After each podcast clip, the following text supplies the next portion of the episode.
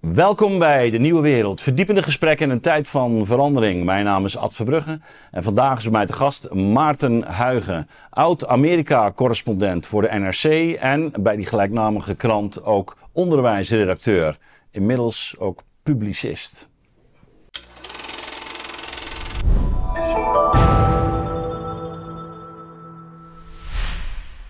Dag Maarten, welkom. Je hebt een uh, belangrijk boek geschreven over uh, het onderwijs. Nog wat geleerd vandaag.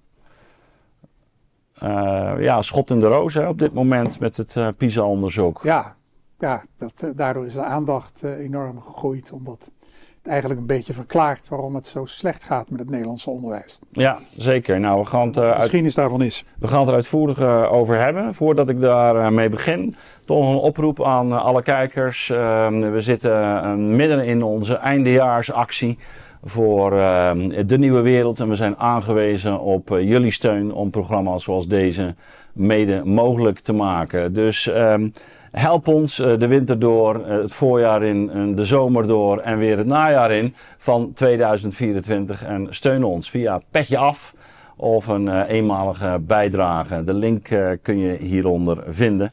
En um, we zijn op jullie aangewezen. Dus ik, ik hoop dat mensen hier op in willen gaan. Maarten, we gaan met jouw boek aan de slag.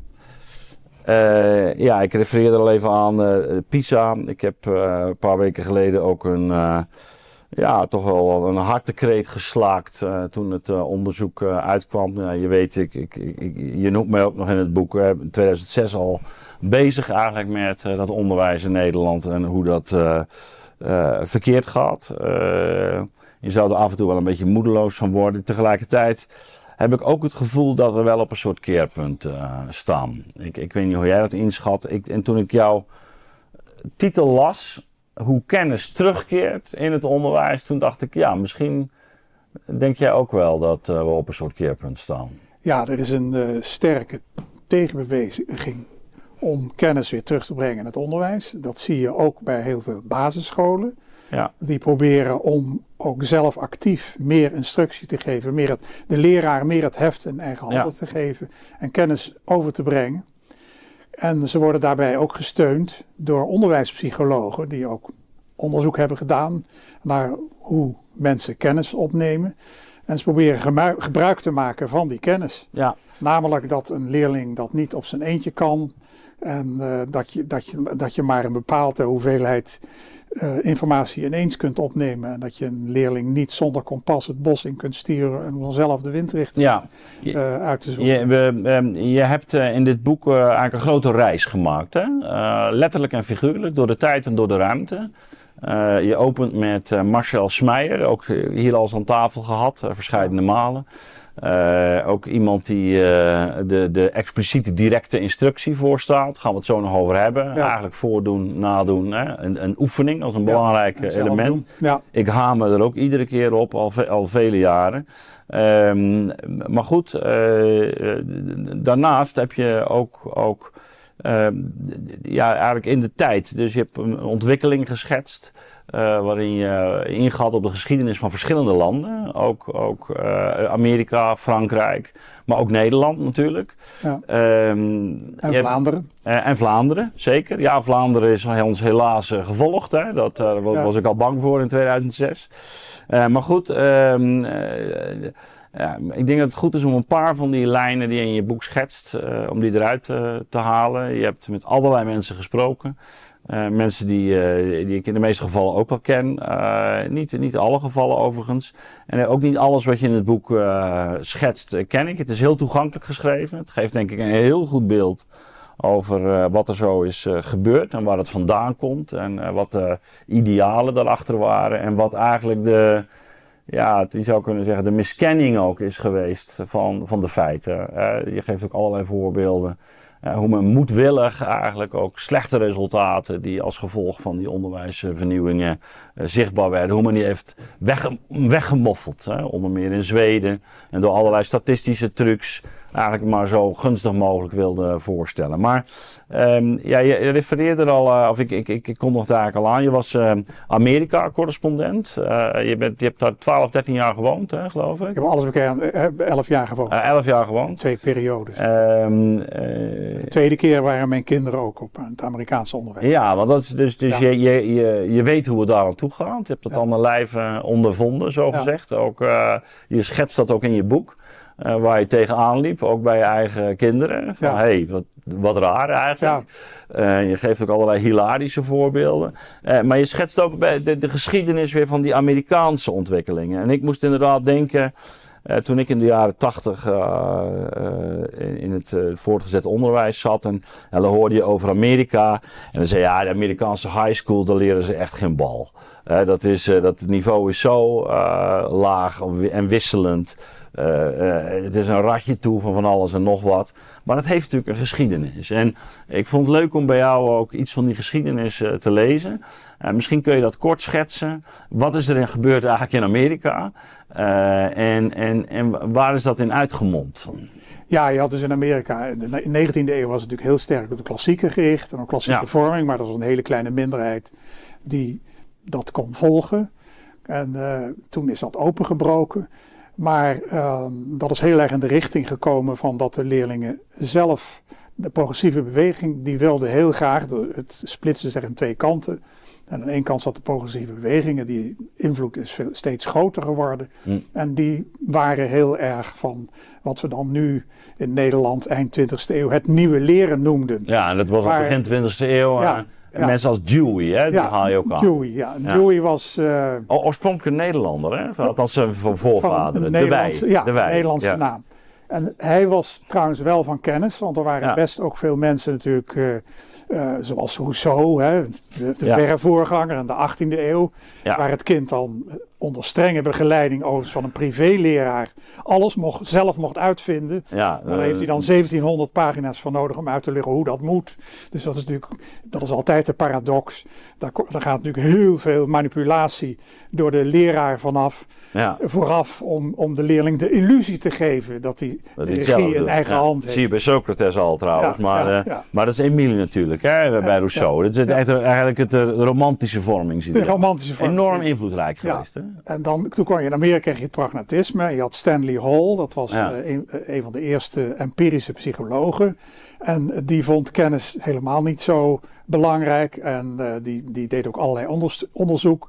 Wat kinderen uit het platteland wisten, wat mensen, kinderen uit de grote stad wisten. Maar die was heel erg tegen kennisonderwijs. Die zei, de meeste kinderen hebben er niks aan, want die nee. gaan toch met de hand werken.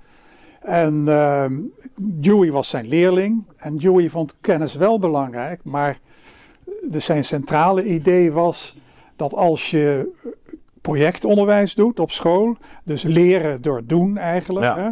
En, en een idee is eigenlijk ook een handeling. Dat is ook het idee van de pragmatische filosofie. Ja. En die dacht ook leren is een vorm van doen.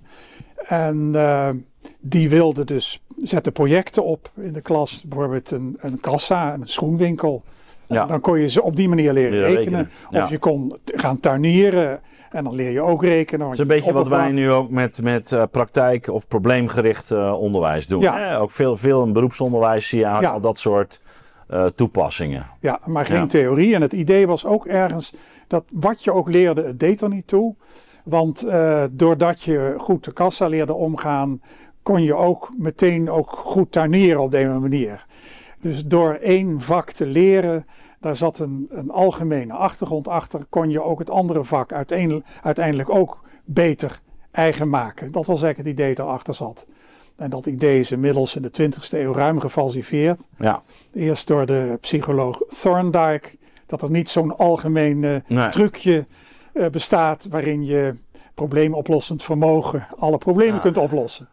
Maar dat idee is lange tijd. Ja, waren ook een soort meta, onze... metavaardigheden hè, die ja, je bij Dewey ook Metavaardigheden, Het ja. waren uh, Wat we nu de 21 Analyse, noemde, gevolgtrekking. Je, gevolgtrekking, ja. evaluatie, evaluatie uh, reflectie, reflectie, dat soort reflectie, want dat is nog steeds belangrijk. En dat heeft zeker bepaalde voordelen. Maar het is niet een algemeen trucje dat je leert... waardoor je plotseling alle vakken kunt beheersen... en kennis overdracht minder nodig is, omdat je het jezelf zou kunnen overdragen.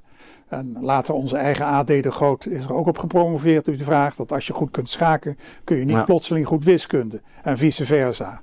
En uh, als, een, als een schaakbord alles willekeurig neerzet in een schaakbord, op een schaakbord, dan uh, heeft een schaker een evengoed geheugen mm. als een niet-schaker, als je de regels van het schaken niet volgt. Ja. Dus dat betekent eigenlijk dat je het vak schaken echt moet beheersen ja. om dat goede geheugen van ja. schaken te ontwikkelen. Ja, ja, precies. Dat dus, geldt dus, voor alle vakken. Dus nou, dat is heel belangrijk. Hè? Ook, ook binnen onze vereniging uh, Beter Onderwijs Nederland al, eigenlijk al vanaf begin af aan ook benadrukt belang van, van het vak. Ook de structuur van het vak. Ook, ook als, als een didactische uh, organisatie. Ja. Uh, waarin je... En ik heb ook wel eens gezegd, ja, we hebben ooit natuurlijk die vakken uitgevonden omdat men door had. Dus juist door uh, dingen te onderscheiden. Dus je kunt gaan oefenen. Ja. Hè? En, uh, en, en al die vormen waarin je uh, van alles bij elkaar gooit, ja, daar ga je losse onder, onderdelen eigenlijk niet oefenen. Hè? Dat is een, dus, dus ja, wanneer je kassaatje gaat spelen, dan ben je ondertussen met dit bezig en met dat en met je voorraad. En, maar, maar een rekensom maken of, of werken met breuken, ja, dat, dat moet je gewoon uh, erin slijten, om het zo maar te, maar te noemen. En oefenen. En oefenen. En oefenen zodat je ook aan die kassa heel snel Precies. even uh, het, het juiste geldbedrag kunt terug. Ja, dus, dus, maar goed, in Amerika zie je dus eigenlijk uh, dat, dat, dat, dat daar nauwelijks een, een onderwijscultuur, behalve dan die klassieke, bestond. En dan komen die pragmatici komen binnen, onder andere Dewey. Uh, en, en die hebben dus een, een, een grote uh, ja, stempel gedrukt eigenlijk op, op, op hun idee van school. Ja, en, de progressieve beweging ging ook veel verder dan Dewey eigenlijk wilde. En hij heeft, het niet altijd, heeft zich niet altijd tegen verzet. Maar uh, hij vond het soms ook te ver gaan. Nou, dan hebben we het over de jaren 10, 20 al. Ja, 10, 20. Toen het ook echt heel populair was en heel groot. Van de vorige eeuw. Ja, ja. van de vorige eeuw. En die is daar nog veel verder in gegaan. Ja. En nou is dat niet overal zo, want uh, dat waren natuurlijk leraren die geen zin hadden om daaraan mee te doen. En in het onderwijs in Amerika is per deelstaat georganiseerd. Het is geen federale bevoegdheid. Mm. Het onderwijs wordt niet in Washington nee. bepaald, maar in elke hoofdstad van elke deelstaat apart.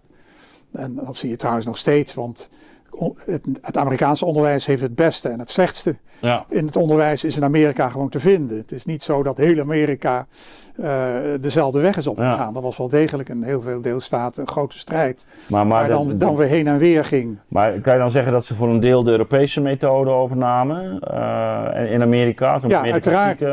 Zeker in het begin. Zeker in het begin. En daar kwamen ze met hun eigen variant. Uh, ja. de, de, progressieve beweging kwamen ze daar tegen. onderwijs. En wat ze noemen child-centered onderwijs. Ja. Dat gaat uit van de wensen van het Wat wij nu met kindgericht noemen. Ja, noemen dus dat is de, uh, en ook de hele personalisering. Nou, um, misschien toch aardig ook om um, uh, dan eens te kijken. Want dat, het, het idee van een, van een, uh, een, een vakmatige indeling verdwijnt eigenlijk ook. Hè? Dus die curricula die, die werden heel vreemd in nou, dat Amerikaanse Huishouden doen.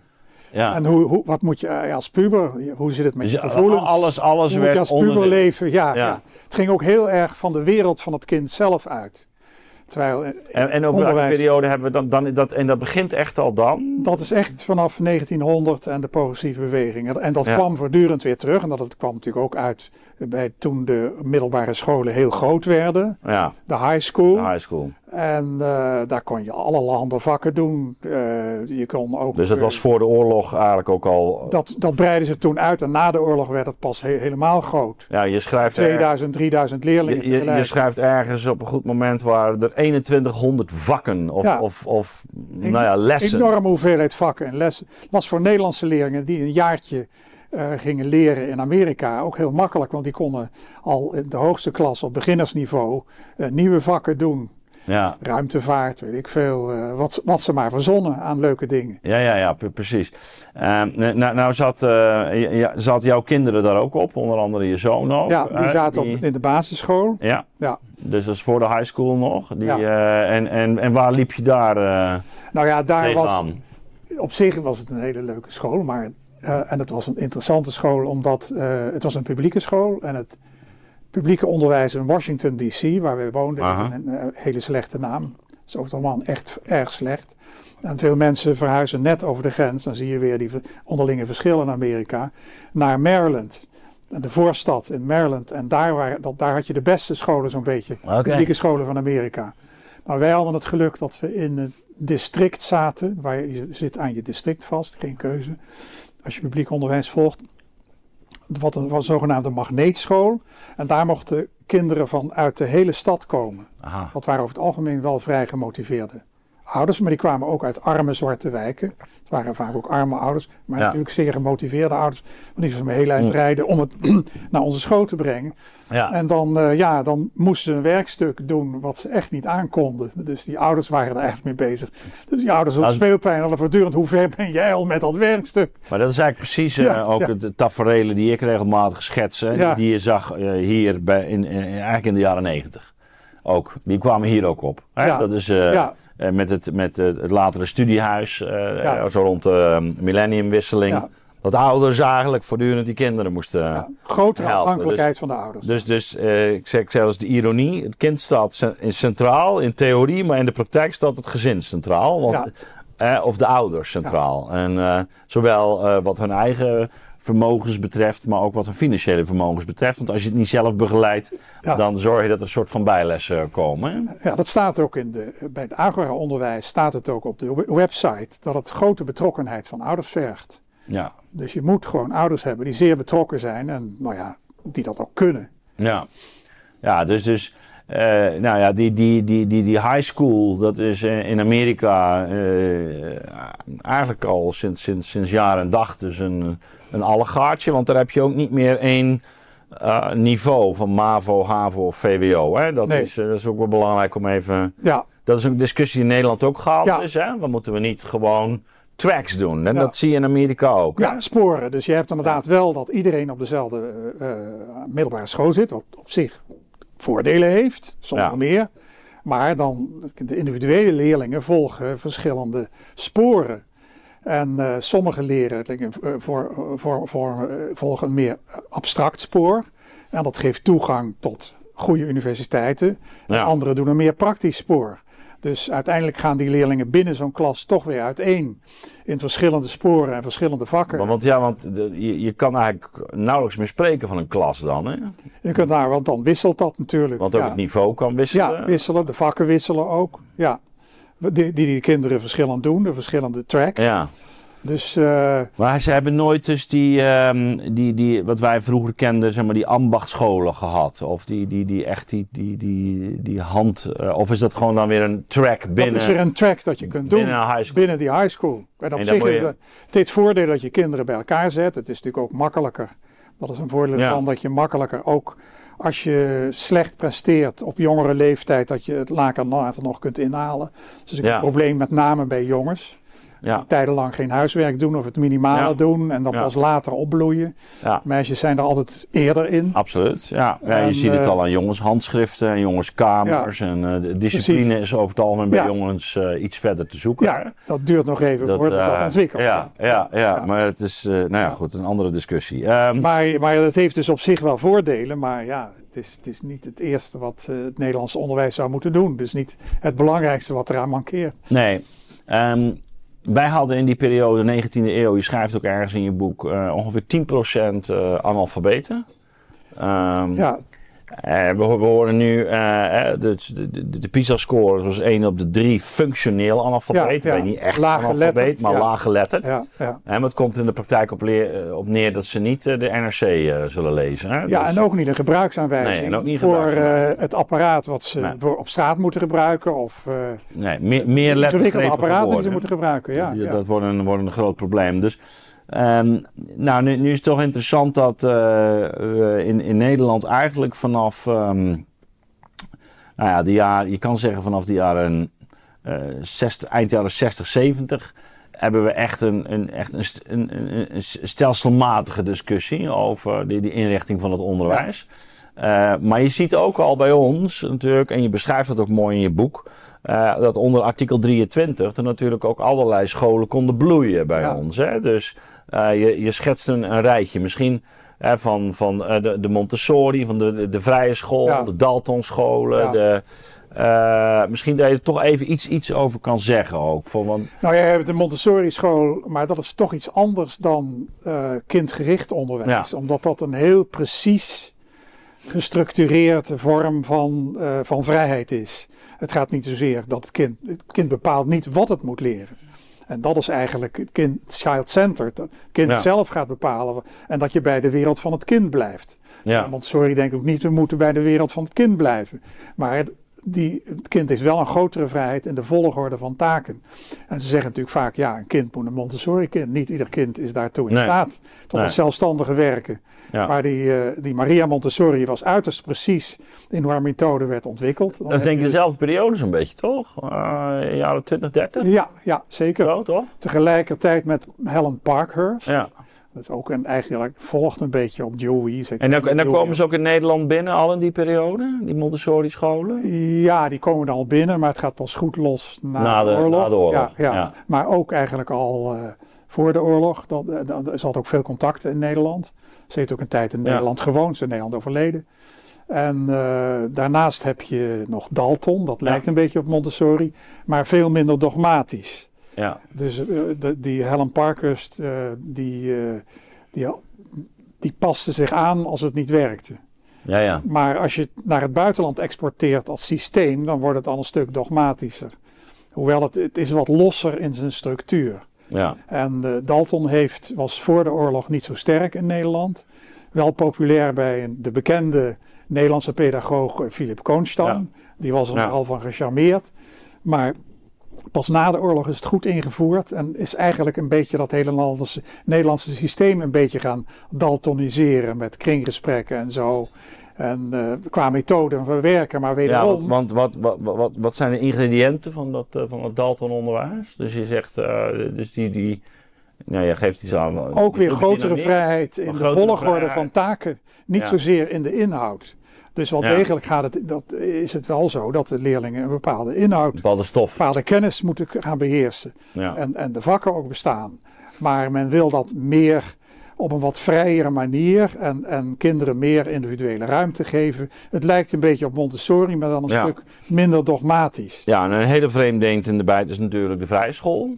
De vrije school, dat is... Uh, dat, dat, heeft, uh, dat is meer uh, volgens de, de, de principe van uh, Steiner. Ja. En, en, de vrije school is heel sterk, ja, dat heeft een bepaald idee van het kind. En als creativiteit en ritmiek is buitengewoon belangrijk. Dat gaat wel ten koste van basisvakken.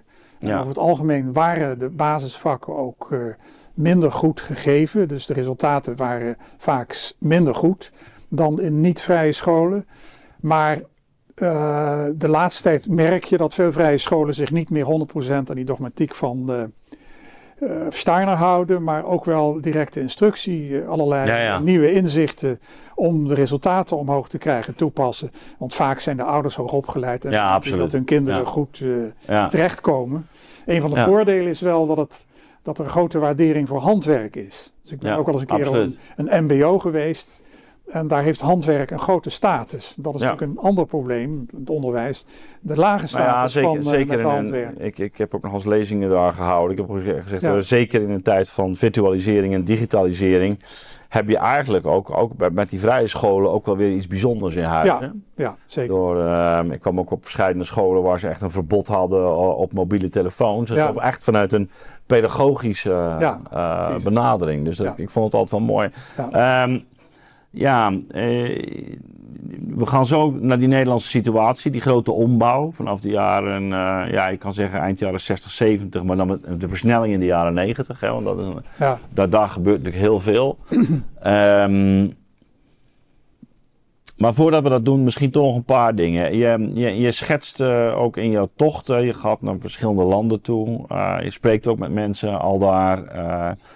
Ehm, je hebt eigenlijk al laten zien dat wat, de, wat voor ravage ook, uh, laten we zeggen, die, die child-centered benadering in Amerika heeft aangericht. Hè? Dus uh, je, je, laat ook zien. En waar de laatste tijd trouwens weer enorme verbetering is opgetreden. Ja, ja. Gek genoeg, met name in conservatieve deelstaten. Ja, door, door, door, door, an, door, andere didactieken. Door andere didactiek, ja, precies, door veel meer is... uh, kennisoverdracht. Ja. Hetzelfde geldt voor het Verenigd Koninkrijk. Onder de conservatieve regering, terwijl je zeggen het zou een progressief beginsel moeten zijn, maar het zijn altijd conservatieve regeringen.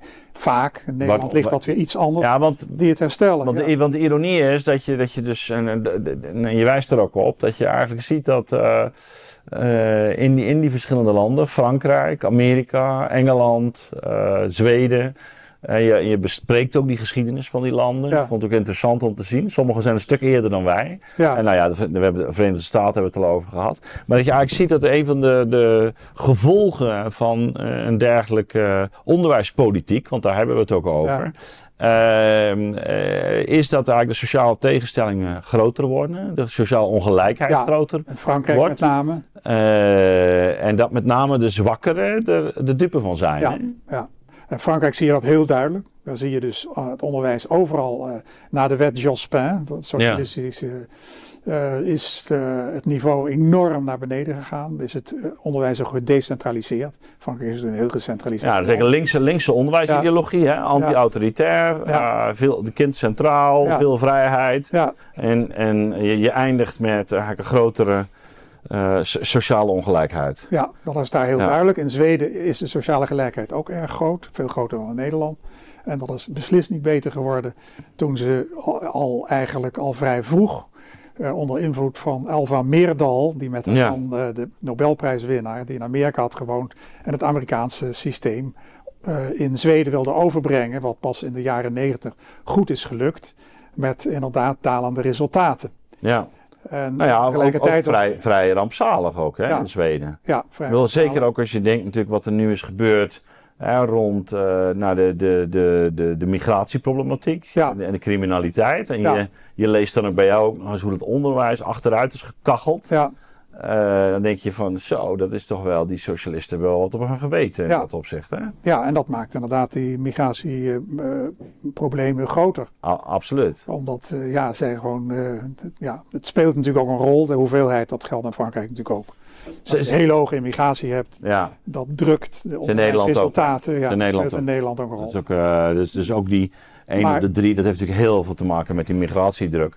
Maar het, is ook, maar het is oorzaak en gevolg absoluut, tegelijk. Absoluut. Je moet dan het onderwijs ja. zeker niet aan, nee, nee, aan nee, het kind overlaten. Als ik nog des te meer uh, culturaliseren, ja, zou je ja, zeggen. Ja, ja. Uh, uh, goed, je, je, je, wijst er inderdaad ook op dat in een aantal landen de, de zaken worden teruggedraaid. Hè? Dus uh, dat is eigenlijk in, in de, nou, je noemde het al op, een aantal staten in Amerika het geval. Ja. Uh, Engeland ook, hè? Ja, de Mississippi is een heel goed voorbeeld. Dat geldt ja. als de achterlijkste deelstaat van, uh, van Amerika. Geld, ja. geldt zo.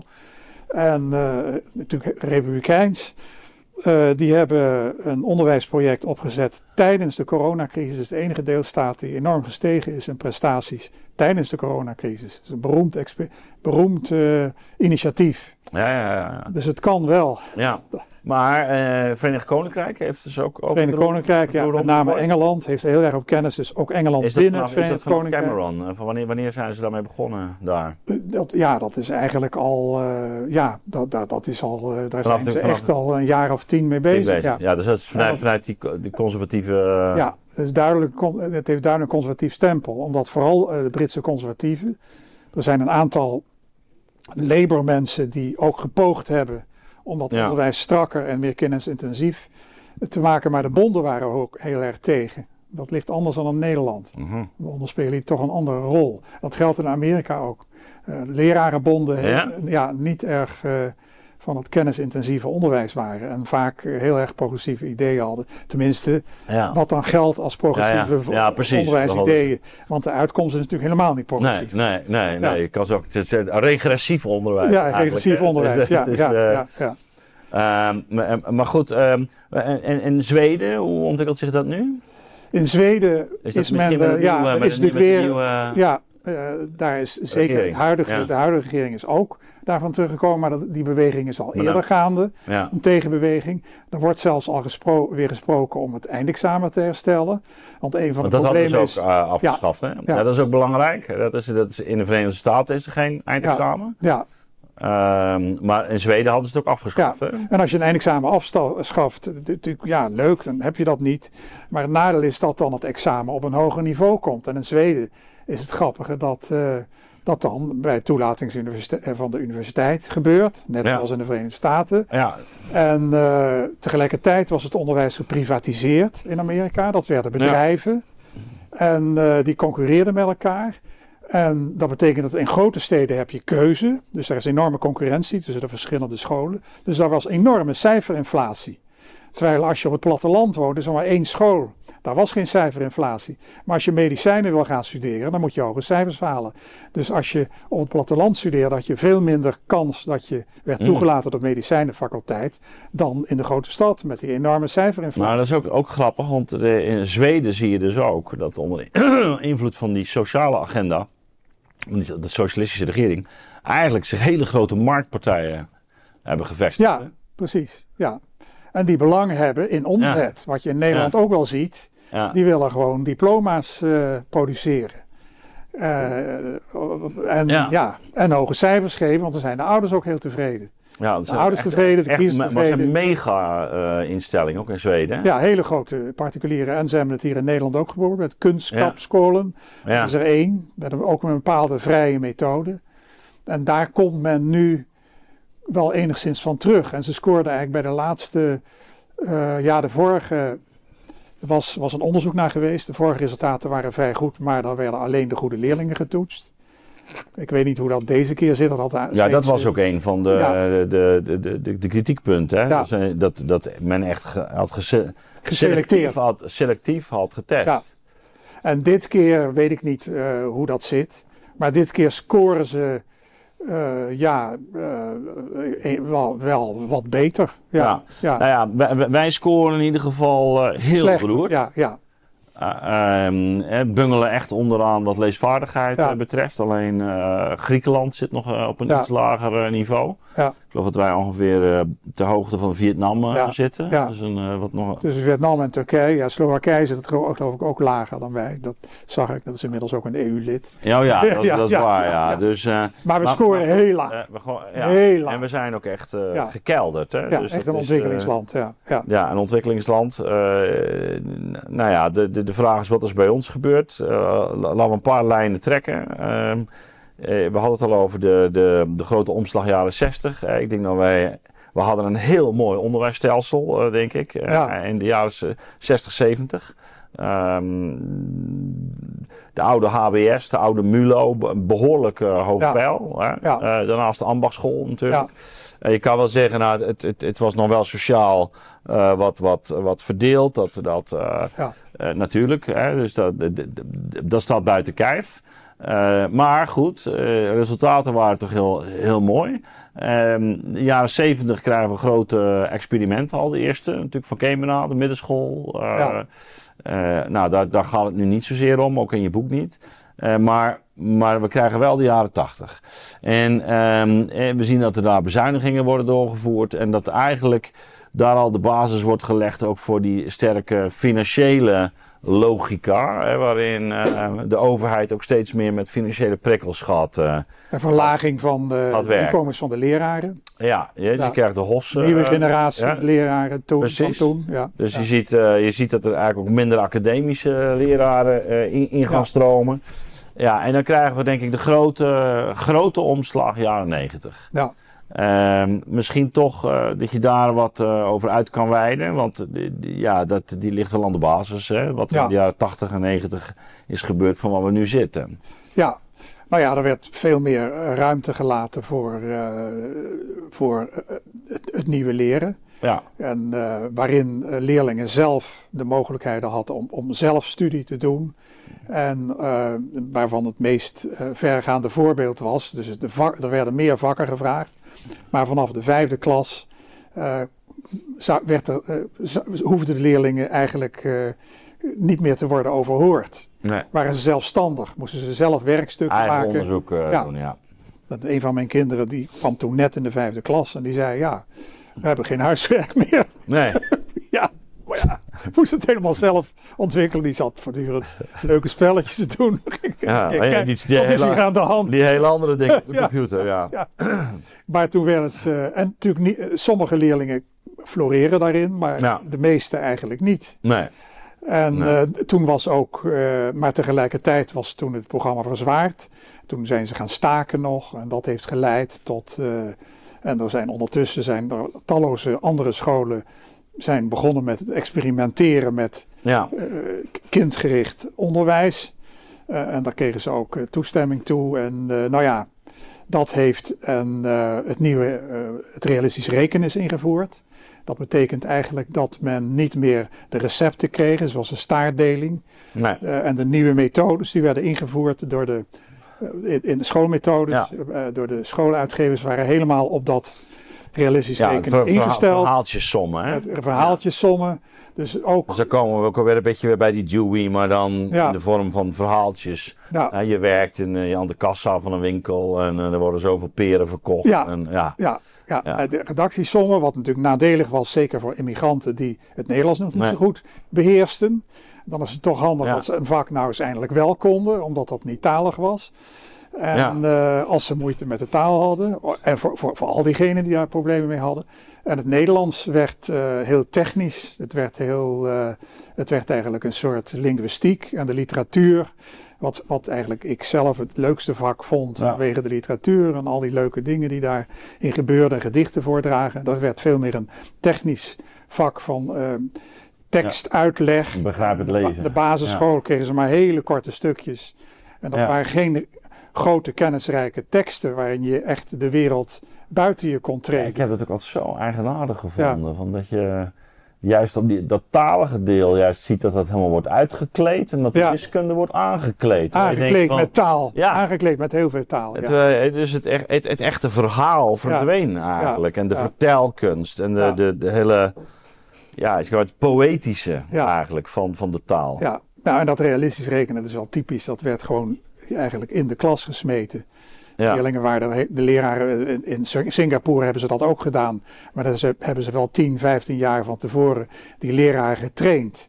Nou ja, daar is het heel succesvol ingevoerd. Want het idee is eigenlijk dat je, als je een staartdeling gebruikt, dan weet je niet wat je aan het doen bent. En het is beter dat je precies weet hoe de cijfers werkten voor je de recepten toepast. Nou, in theorie is daar iets voor te zeggen. Maar dat vergt wel een ja, 10 jaar, 15 jaar in inwerken. Dat kun je niet zomaar de scholen ingooien, dat de leraren dat moeten gaan oplossen. Dus dat heeft inderdaad de, de, de, de rekenresultaten jarenlang gedrukt in Nederland. Ja. En nog steeds. Ja, ja en, en dat is een beetje een vertekend beeld, omdat ehm, eh, in het PISA-onderzoek komen wij wat, wat uh, wiskunde betreft er nog steeds goed uit. Ja. redelijk goed uit. Ja. Um, maar we dalen sneller dan de anderen. Ja, we dalen sneller, maar ook uh, het is wel zo dat de, de toetsingen uh, van PISA erg in, de, in, het verlengde liggen van de Nederlandse methode. Ja. Dus, ja. dus uh, ook, ook, ook sterk talig of sommetjes. Ja. Eigenlijk niet zozeer de, de, de formule gericht en operatiegericht, maar meer toepassingsgerichte wiskunde. Um, en er zijn talloze andere eh, toets, het PIAC, eh, talloze andere tests die wijzen dat het in Nederland niet zo goed gaat. En het, uh, het, daalt echt sneller en het is, het is even, na, 2003 heeft het een enorme val en daar is het nooit meer van hersteld. Ja. In, in begin 2000 is het, heeft het een val gemaakt. En ja, in 2000 hadden we 10% en 2006 14%. en we zijn op een gegeven moment zijn we iets opgeklommen. Geloof ik 2011 ja. uh, of zo, 12, 11, 11 procent. Maar dan daalt het weer heel dan snel. Dan daalt het heel snel, ja. ja. Uh, dus die meting het, is, is allemaal niet, gedaald natuurlijk. Bij, bij corona is dan alle landen gedaald, maar Nederland daalt sneller. Precies, ja, want corona heeft... Zweden had natuurlijk het voordeel dat zij de scholen hebben opengehouden tijdens corona. Ja, ja, ja, ja, ja precies. Ja. bij, ja, bij ons heeft dat er natuurlijk echt, echt ook ingehakt. Um, ja, waar je ook op wijst in dit verband, en dat is uh, ook voor onze vereniging heel belangrijk, uh, is dat er natuurlijk met die leraar in, in de tussentijd ook heel veel gebeurd is. Ja. En uh, met name ook de leraaropleidingen. Ja. Als, als, je kijkt naar onze omliggende landen, zie je dat, dat de, de, kwaliteit daarvan toch wel iets beter geborgd is. Ja. en, en daar, dat is ook wat je schetst ook, de, de kennisarme leraar, dat is een van je hoofdstukken. Ja. Ehm, vertel. Nou ja, daar is wat ze dan noemen het constructivisme ingevoerd. Dat zijn, ja, dat is ook een soort een idee is. Uh, Ook een variant, het, dat, het gaat, weer, over, het gaat over het idee. Ja, pragmatisme en constructivisme lijken een beetje op elkaar. Maar ehm, dat de leerling die eigenlijk die moet de kennis in zijn eigen hoofd vormen. Dat is natuurlijk ook in zekere zin een waarheid als een koe. Ja. Maar dat betekent niet dat je dan geen kennis ja. kunnen overdragen. Of dat je dan zegt, nou het kind moet het dan ja. maar helemaal zelf doen.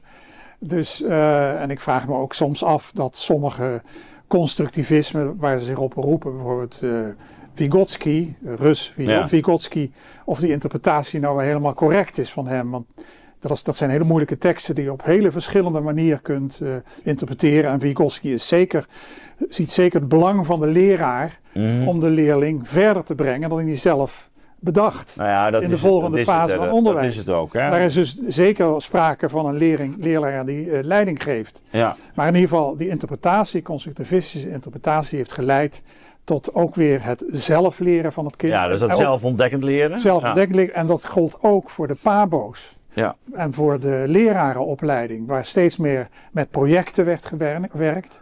En de kennisvakken plotseling, het aantal kennisvakken plotseling razendsnel achteruit ging. Dus, uh, ja, dat, dat zet zich alleen maar door hè, op dit moment. Ja, er moest ontzettend veel reflectie uh, worden gedaan over wat je voelde, dat je vooruitgang was, maar niet over wat je nou werkelijk had geleerd. Ja, je, nou, je, je, komt ook bij Anna, je komt ook bij Anna Bosman hè, in, ja. in, je, in je reis, eh, die natuurlijk zelf een een academische pabo heeft uh, opgericht. Maar eigenlijk al een veegteken dat dat nodig is. Hè? Dat dat nodig is om het, vooral het, het academische niveau en het onderwijspsychologische niveau van die pabo's te verbeteren. En ook om het aantal kennisvakken weer terug te brengen. Want op een gegeven moment heeft de onderwijsraad ook een uh, rapport geschreven dat het aantal kennisvakken tot, uh, wat was het, tot 40% was gereduceerd. En 60% was niet, bestond niet uit kennisvakken, uit psychologie, uit allerlei andere dingen. Maar niet uit de eigenlijke vakken die zouden moeten worden ja, dus niet, gegeven. Uh, niet, en die, die, hoe je dat dan moet doen. Niet Nederlandse taalbeheersing ja. uh, en alles wat daarvoor en taal en rekenen. is. Ja. Maar dat is inderdaad, uh, we hebben daar ook regelmatig op gewezen al ik denk in 2010 ook uh, voor gewaarschuwd. Uh, dat je ziet uh, hoe die zogenoemde kennisbasis hè, op, op de HBO en ook in bij de leraaropleidingen, dat die wel allerlei mooie eindtermen bevatten. Ja. Maar alleen die, die mogen ook via nieuw lerenachtige uh, onderwijsvormen worden uh, behandeld. Dus um, ja, uh, zoiets als grammatica of um, spelling of stijl. Um, dat komt eigenlijk allemaal voorbij uh, in het kader van een, een groepsopdracht. Dus, ja. dus uh, hè, waarbij je eigenlijk niet meer die, die, die oefening hebt. Ja, ja meester Mark draait door, die, die schrijft er wel leuk over. Die moest al reflectie verklaren. En ook de inhoud van de vakken zijn studenten over het algemeen ook heel ontevreden over. Ja. Met name ook weer jongens trouwens. Ja, hè? En, uh, ja precies. Ja. En meester Mark die ja. schrijft daar, schreef daar heel grappige stukken als een journalist die uh, onderwijzer, een tijdje onderwijzer is geweest. En die schreef dan dat hij niet zo goed in, in de handvaardigheid was. En toen kreeg hij een 7. Ja. Want hij had daarover gereflecteerd dat ja, hij er niet zo goed in was. Heel goed dat ja, dat in ieder geval Geweldig dat hij dat beseft. Ja, ja. Het is allemaal super soft. En ja. ja. Eh, je weet dus niet wat voor leraar je in huis krijgt die op die manier uh, is geëxamineerd. Ja, en ja. toen zijn er voortdurend allerlei toetsen bijgekomen. Heeft de overheid er allemaal toetsen in gedaan. Om toch enig niveau te garanderen dat er toch een minimum was. Lezen doen onderwijzers heel weinig, heel weinig belangstelling voor. En dat maakt, zal het, maakt het bij taalonderwijs natuurlijk ook heel moeilijk. Maar er is nu een hele hele generatie onderwijzers die vooral het leuk vonden om met kinderen te werken. Ja.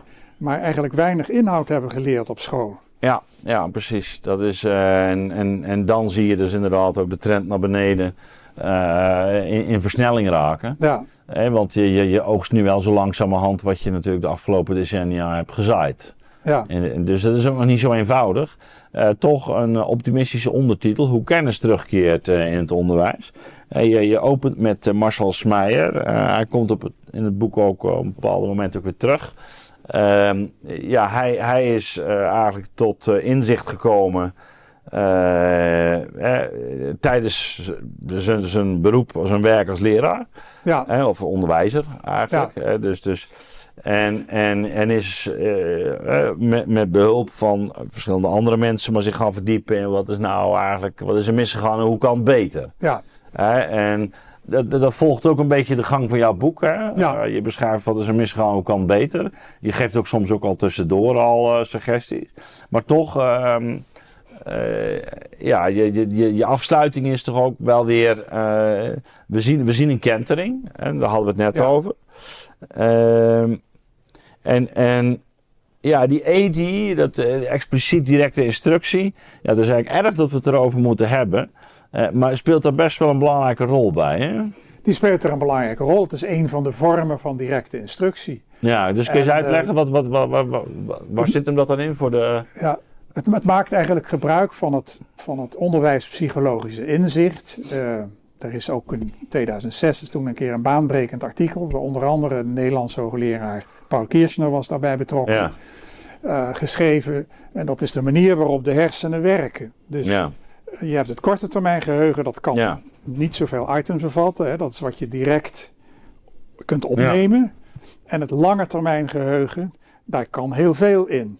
Mm Dus als je een kind inderdaad zonder, bos, uh, zonder kompas en kennis het bos inlaat, dan raakt het in verwarring door alle details. En je hebt er niks aan. Dus je moet toch wel uitleggen, of als je geen kompas hebt, dat je even uitlegt hoe het met de zon zit. Daar waren die vakken vroeger voor. Ja, daar waren die vakken voor. Je uitkleden, een beetje simpeler maken, Simpeler, en dan je op één ding richten. Ja, ja zodat zo'n kind dan weet welke richting waar is als het in het bos zit. Maar als je het kind zonder kompas en zonder kennis in het bos stuurt, dan, dan raakt het totaal in de war. En dan ziet het, dan het bomen niet meer. Ja. en het zal heel belangrijk ook niks leren. Ja. En dat bekende artikel wat Kiers, onder andere Kiersner had geschreven, had er dus al heel veel van dit soort, wat hij dan noemde, minimale begeleidingmethoden ja. bestudeerd. En, uh, en al die studies samengevat en bleek dat het gewoon toch heel slecht werkte. Ja. Omdat het korte termijn geheugen niet al die, dat hele bos tegelijk kan opnemen zonder enige voorkennis. Je kan wel zelf als onderzoek, op onderzoek gaan als een wetenschapper die heel veel kennis in zijn hoofd heeft. Maar een kind is geen wetenschapper. Ja, nee, maar dat vond ik ook. Een uh, wetenschapper is, is, die methode van werken wel nuttig. Als, als je zo'n taal uh, bijvoorbeeld als Grieks neemt hè, en, en of sowieso als je een vreemde taal leert, je moet op een gegeven moment ook die woordjes stampen. Je moet uh, die, die grammaticale vormen, ja, tenzij je erin opgroeit, want dan hoor je het gewoon iedere keer. Dan ga je het napraten. Dan, ja. maar, dat is ook oefening, hè? Want dan word je gecorrigeerd. Ja. Anderen zeggen, je moet dit zeggen. Je zegt dat verkeerd. En, ja. en, eh, maar, maar in ieder geval, uh, als je het zo leert. En als je dat niet doet, ja, dan wordt zo'n tekst gewoon één groot uh, bos waar je inderdaad niet meer. Je weet niet eens wat je moet gaan opzoeken. Nee, je moet, je moet dus minstens. Uh, je moet, als je vijf, min, meer dan 5% van de woorden niet kent, begrippen eigenlijk, hè, want ja. het en één tellen niet mee, dan begrijp je ook zo'n tekst niet. En, en de, dat was in Amerika ook zo dat als ze dan uh, iets wilden doen, dat leescrisis hebben ze heel vaak gehad in Amerika. Het is echt een cyclus, die gaat op en neer. Dus in de jaren 50 hadden ze ook een leescrisis. En toen gingen ze meer lezen doseren.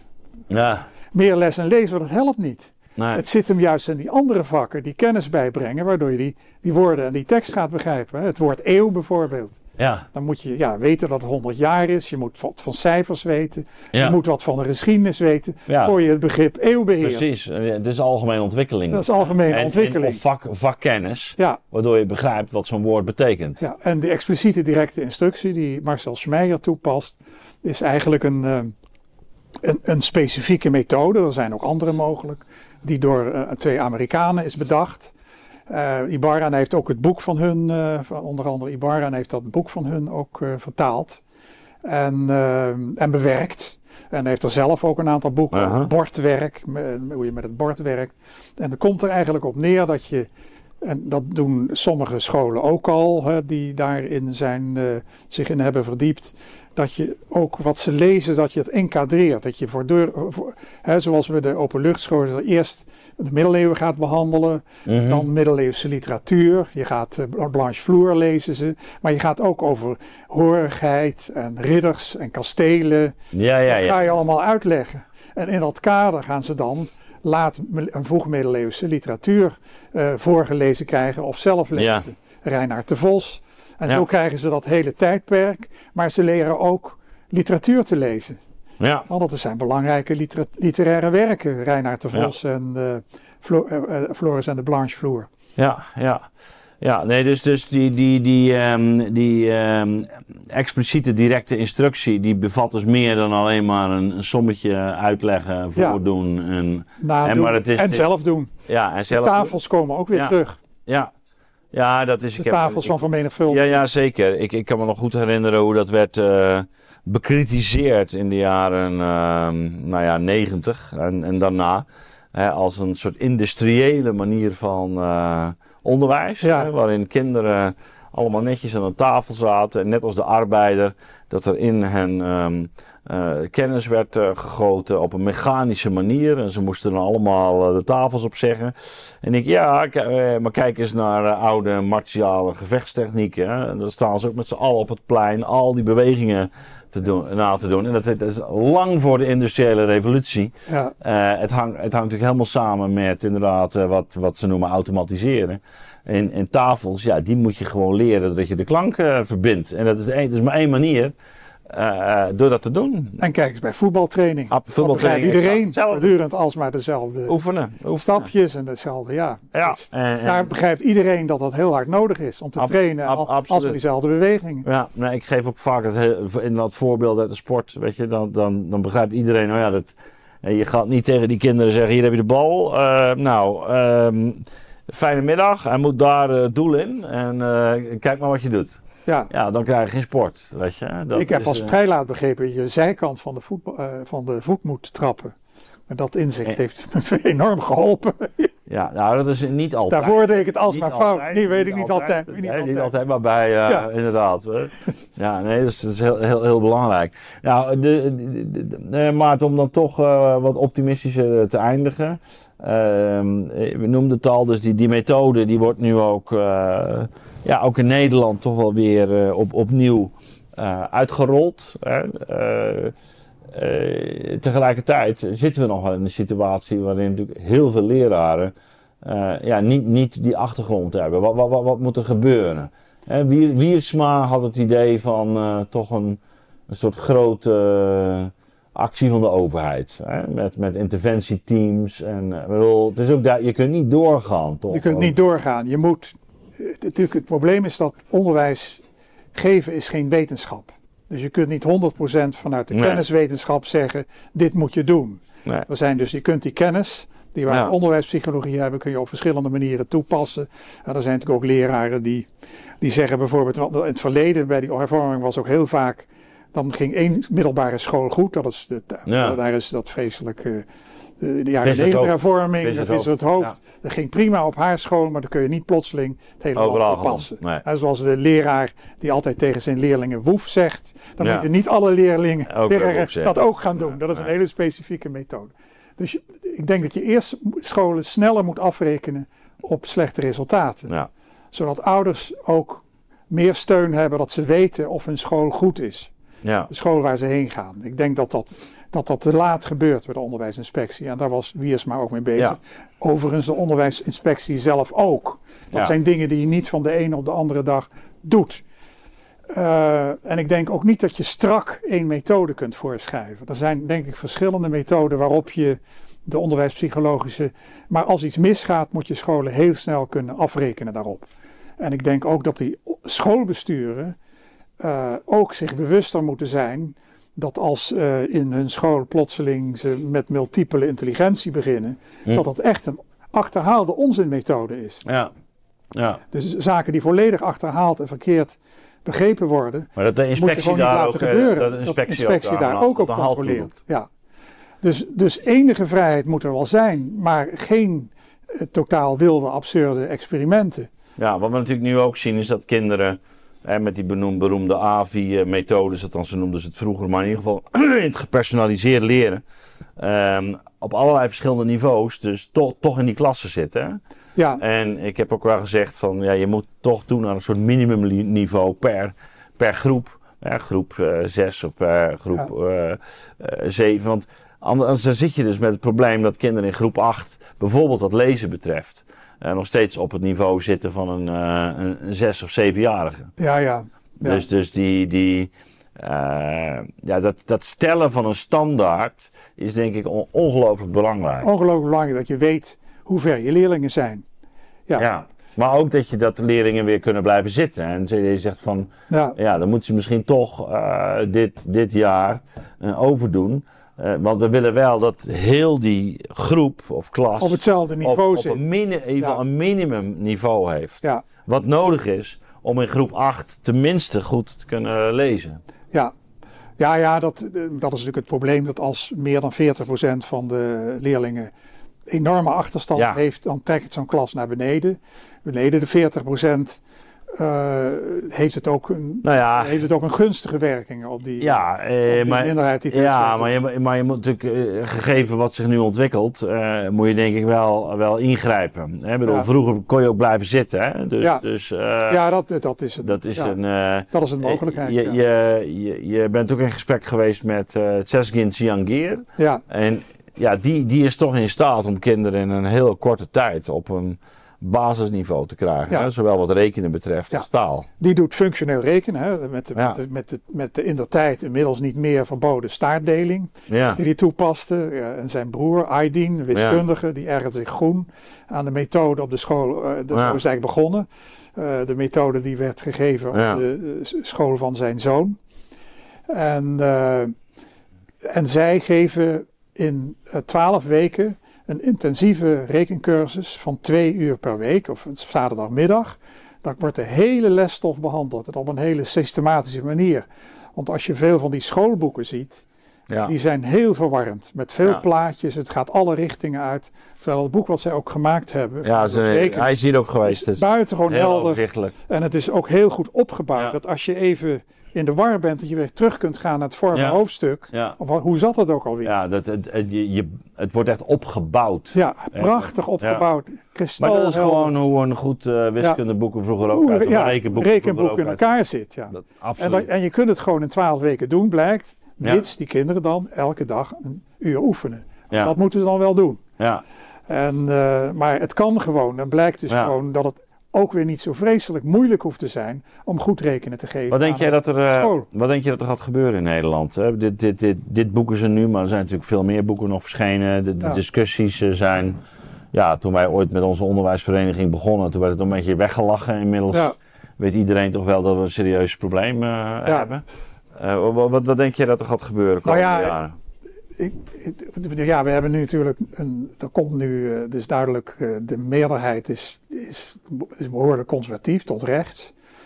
Uh, ik denk niet dat er een enorme behoefte zal zijn tot grote hervormingen. Maar iedereen begrijpt wel dat dit moet gebeuren. Wat in het verleden heel vaak misging, dat te veel hervormingen tegelijk werden ja. ingevoerd. Daarna heeft de overheid weer een tijd stilgezeten. Heeft ze die schoolbesturen alles laten doen. Ja. En die autonomie, daar hechten die schoolbesturen erg aan. Maar dat blijkt ook niet te werken, een te grote autonomie. Ja. En dat is een gevaar. Dat die autonomie heel groot blijft, zodat er alsnog niks gebeurt onder druk van een enorme lobby om het allemaal voor ja. hetzelfde te houden en te zeggen: ja, maar de school is niet alleen voor taal en rekenen.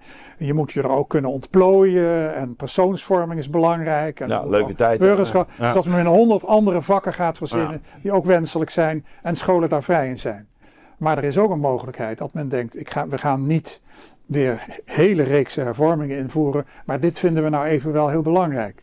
Die kans bestaat. Daar is nu wel het, ik, het gevoel blijkt ook uit de reacties op mijn boek dat men toch wel vindt dat het behoorlijk urgent is. Ja. Maar, maar ja, het kan ook nog de kant uitgaan dat de autonomie, ja. dat daar nog steeds erg aan wordt gehecht. Ja, nee, we, we zijn er nog en niet. dat er scholen eh, zijn die het goed zullen doen, zoals ik bespreek. Ja. En dat er een, een, een groeiende beweging zal zijn, dat die, dat die groei misschien trager is dan we zouden willen. Ja, maar we zitten inderdaad ook met een erfenis van het verlezen, met uh, een verleden met nog heel veel na, na effecten. Dus uh, daar moeten we echt wel uh, stevig aan de bak, denk ik. Ja, dus, en het valt me mee hoe, hoeveel leraren hier enthousiast over zijn. Oké, okay. nou dat is, dat is hoopgevend. Ja.